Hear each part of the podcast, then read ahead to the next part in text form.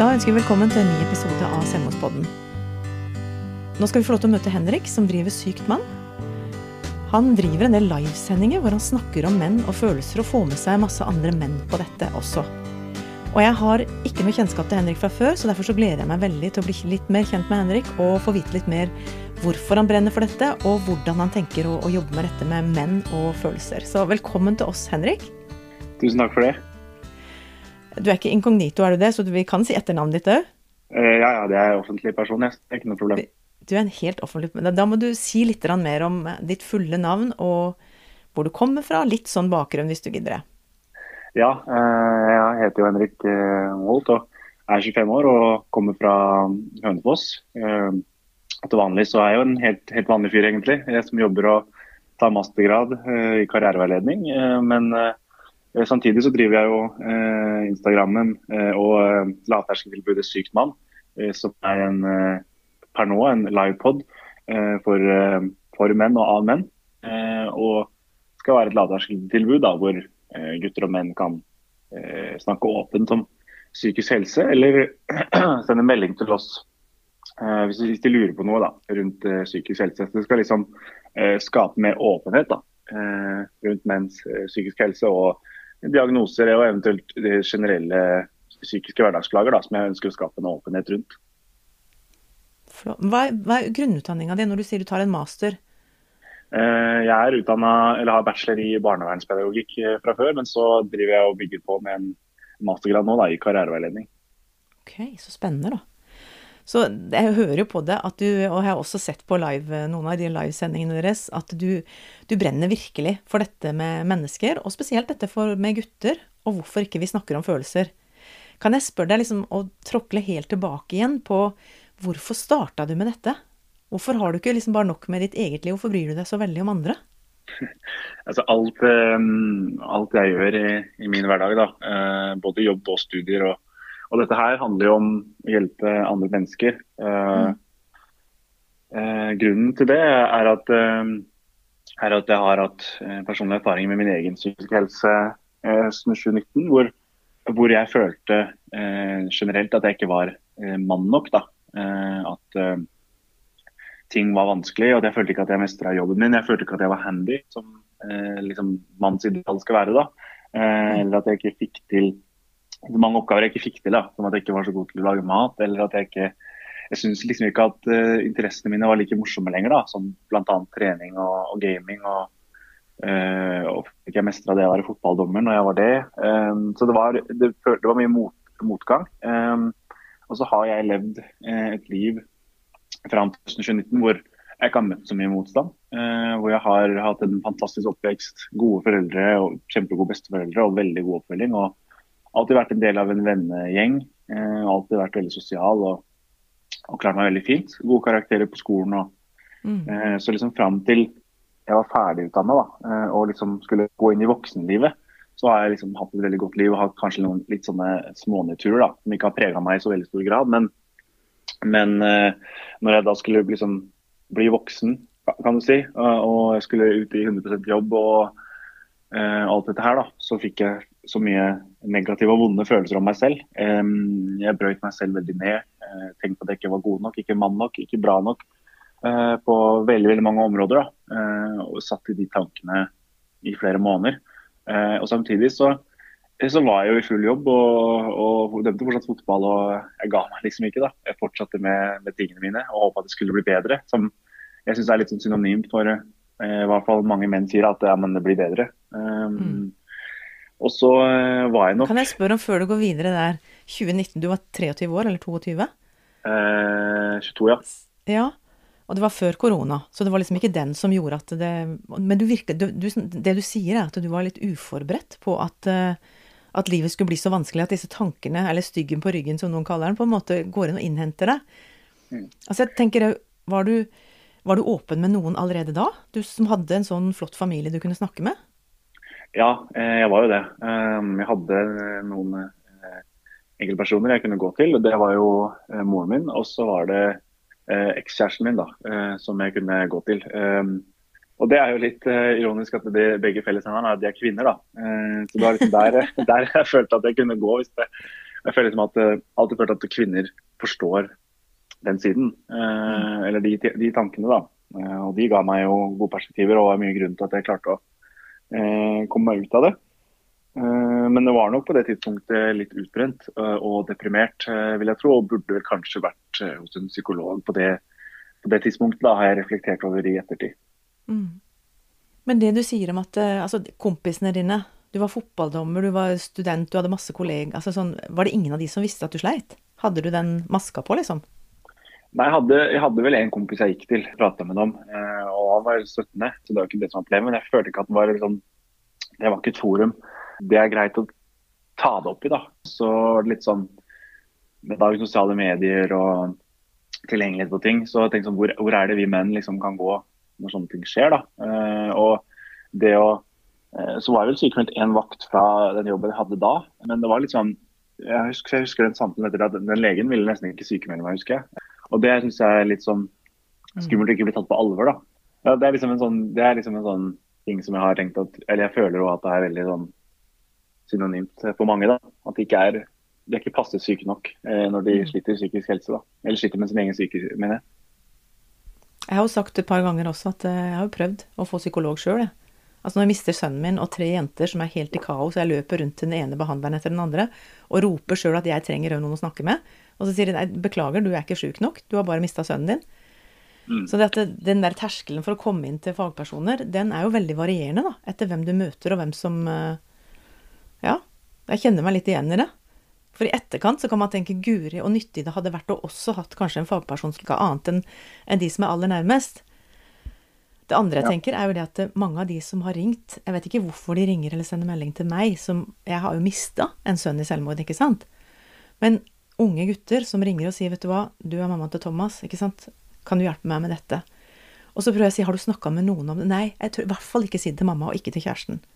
Mens du gjorde det helt motsatte, du. Du gikk til mamma. For det, ofte, hvorfor i huleste skal det være så vanskelig? Det lurer jeg på som mor, liksom. Ja, Uh, og, det tror jeg i hvert fall for at mange kanskje ikke har følt at den aksepten for å kunne gå dit. da. Uh, jeg har vært litt sånn opptatt av å gå gjøre annerledes ting. Eller altså gjøre ting du Jeg liker egentlig ikke ordet annerledes på det, eller føler at det er litt mer unikt. da. At du går dine egne veier på ting. at da, da, tar jeg den samtalen med mora mi og forebygger mye. Og så husker jeg at jeg snakka med søstera mi om det her. og hun hun sa jo det at, eller spurte meg det spørsmålet som jeg husker veldig godt ennå, hva, hva, hva er grunnen dine for å leve? Eh, og på det tidspunktet eh, så var det veldig Altså det var noen ting, men det var veldig få ting eh, jeg følte at jeg hadde å leve for. da. Eh, og det var litt sånn skummelt. Eh, og skulle liksom Ting du likte før, var ikke gøy nå. At den, at den høsten ble veldig tung. da. At du liksom brøyt deg ned i veldig mye vonde tanker rundt livet generelt. da. Kan jeg spørre om du var så langt nede at du tenkte at nå orker jeg ikke å leve mer? Nei, jeg var vel ikke der. Eh, det vil jeg ikke si. Altså, man, man, tanken strofer deg jo. Det, men det var liksom ikke noe mer enn mer enn det. Mm. Eh, at man liksom tenkte okay, hva, hva, er grunnen til, hva er vitsen med å hva er formålet med å leve, liksom. Den tanken var jeg inne på kanskje to ganger, men eh, mm. aldri sånn noe konkret eller at jeg skulle gjøre det. eller eller noe sånt. Men så bra at søstera di også fikk liksom fokuset på at ja, men altså grunner til å leve, da. Eller hjelpe deg til å se noen grunner. For når det blir helt svart, og ikke du får snakka med noen, så blir det vel bare enda mer destruktivt, det som er oppi huet? Ja, det, det, blir jo det. Hvis du skal bare gå rundt og gå inn i dine, dine egne tanker uten å eh, klare å liksom, få snakka med noen. Fordi da veit jeg sjøl at da, da bryter jeg meg selv så mye ned, eller graver meg så mye ned at jeg ikke kan grave noe mer, da, hvis jeg først skal begynne med det der. Så jeg må mm. ha input fra andre mennesker meg når jeg opplever eh, for negative erfaringer. da, Som bl.a. dødsfall i nær familie, eller, eller kjærlighetssorg, eller, eller den uh, høsten der. da, At jeg må liksom uh, kunne snakke med noen. Og Det ser jeg det er veldig mye fokus på. da, At, at det er sånne kanaler som prater om det, eller snakker med meg. Eller jeg står veldig for det her med å spørre folk hvordan går det egentlig. Mm. Fordi det, det har jeg i hvert fall erfart på privaten at hvis jeg gjør det, eh, og egentlig i podkasten òg, så svarer folk eh, mye mer ærlig. Det, men, men, det du må være klar over når du spør om det, er at du kan, du kan få alt eh, fra det da, til, alt fra at de har det kjempebra og kunne ikke hatt det bedre, til jeg har lyst til å ta livet mitt. Mm. Så du må være klar over hva du spør om når du spør om det. Da. For jeg føler at det har blitt en sånn å spørre om det har bare blitt en høflighetsfrase som vi gjør på automatikk i den norske kulturen. Men uh, når jeg liksom har spurt ja, hvordan går det egentlig, eller som en av gjestene mine i podkasten sa, sa, også, at, eller han sa at du kan spørre på en annen måte òg. Hvordan har dagen din vært fra, på en skala fra én til ti? Og hvorfor har den vært en syver, f.eks.? Mm. Men jeg hører i livepodene dine at du sier ja, åssen går det? liksom? Ja, det går fint. Man er liksom bare sånn måter dere snakker på som ungdom, ikke sant? Eller som unge voksne. Og så kommer du med den der etterpå. Ja, men åssen går det egentlig?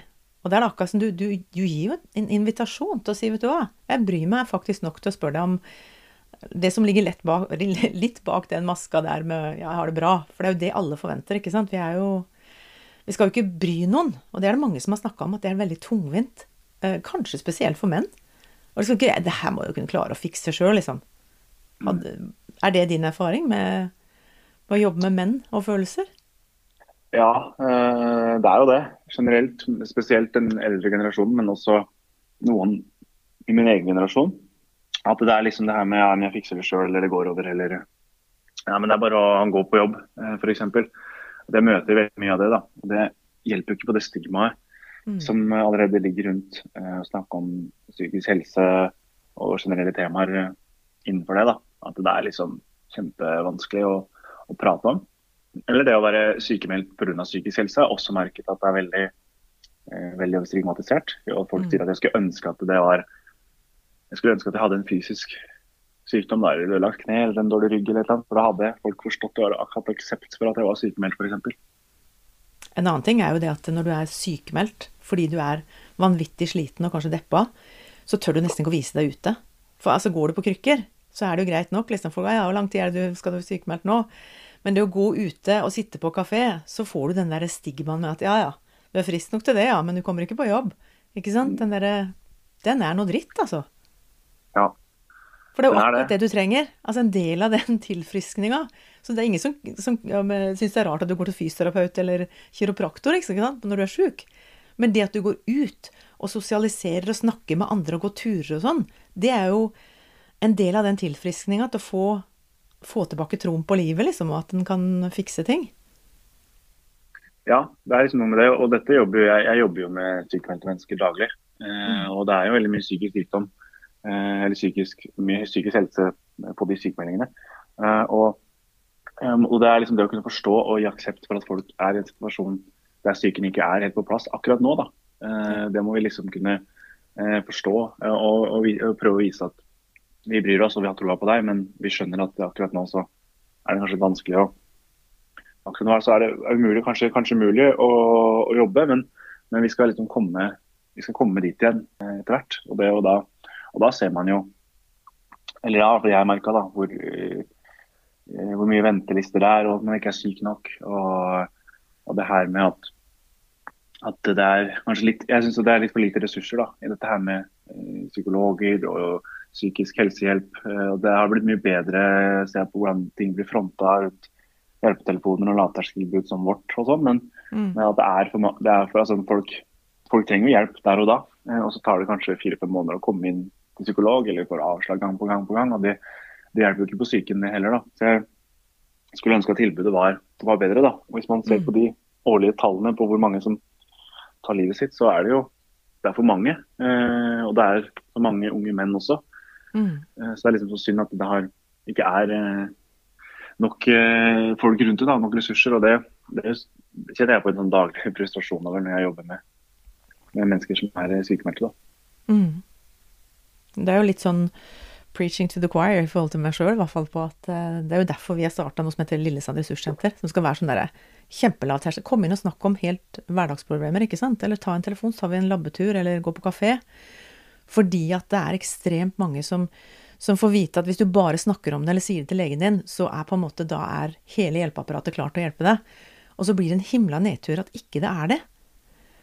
Um, så jeg tenker at det der at vi, vi skaffer flere lavterskeltilbud, hvor vi ikke tenker at vi overtar rollen til en psykolog eller til uh, de offentlige tilbudene, men at vi kan kanskje fortelle folk hvor det fins.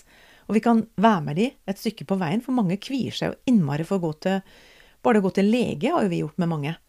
Fordi de kommer ut så Jeg husker ingenting av hva han sa for noe. Hva sa han jeg skulle gjøre nå? Eller hva sa hun at jeg skulle gjøre nå?